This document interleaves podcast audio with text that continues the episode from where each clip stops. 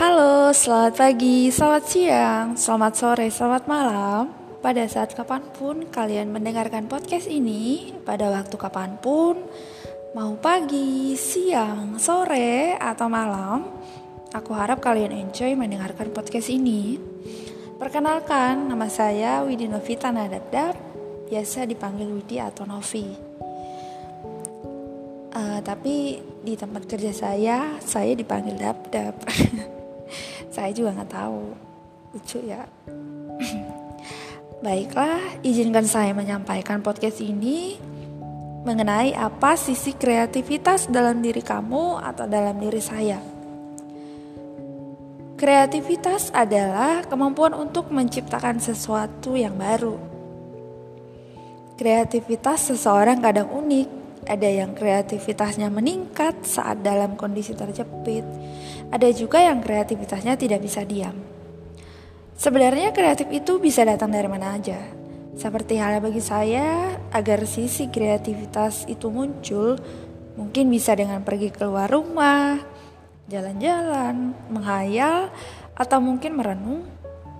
Berhayal membuat orang menjadi kreatif, karena hayalan itu perlu bagi kita karena dengan berhayal, imajinasi kita akan terbuka. Namun satu hal, jangan terlalu berlebihan dalam berhayal. Dan setiap orang itu pasti memiliki sisi kreativitas dalam diri masing-masing. Contoh halnya dalam diri saya, hal yang pernah saya lakukan. Dulu sewaktu saya masih sekolah, keuangan orang tua benar-benar lagi down dan untuk ongkos kita sehari-hari aja buat ke sekolah harus hemat dan tidak mempunyai uang jajan sama sekali. Saya harus dapat duit tambahan, tapi saya bingung entah dari mana.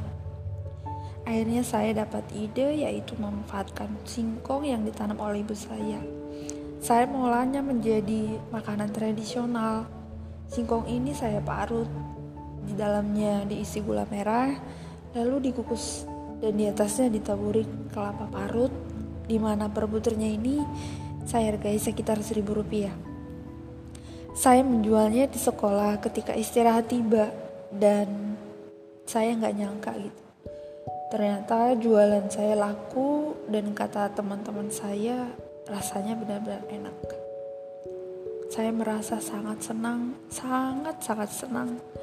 Akhirnya saya bisa mendapatkan uang tambahan dan satu hal yang ingin saya sampaikan, be yourself dan selalu rendah hati. Mungkin itu aja yang bisa saya sampaikan di podcast ini. Stay safe, stay healthy. See you. Bye bye.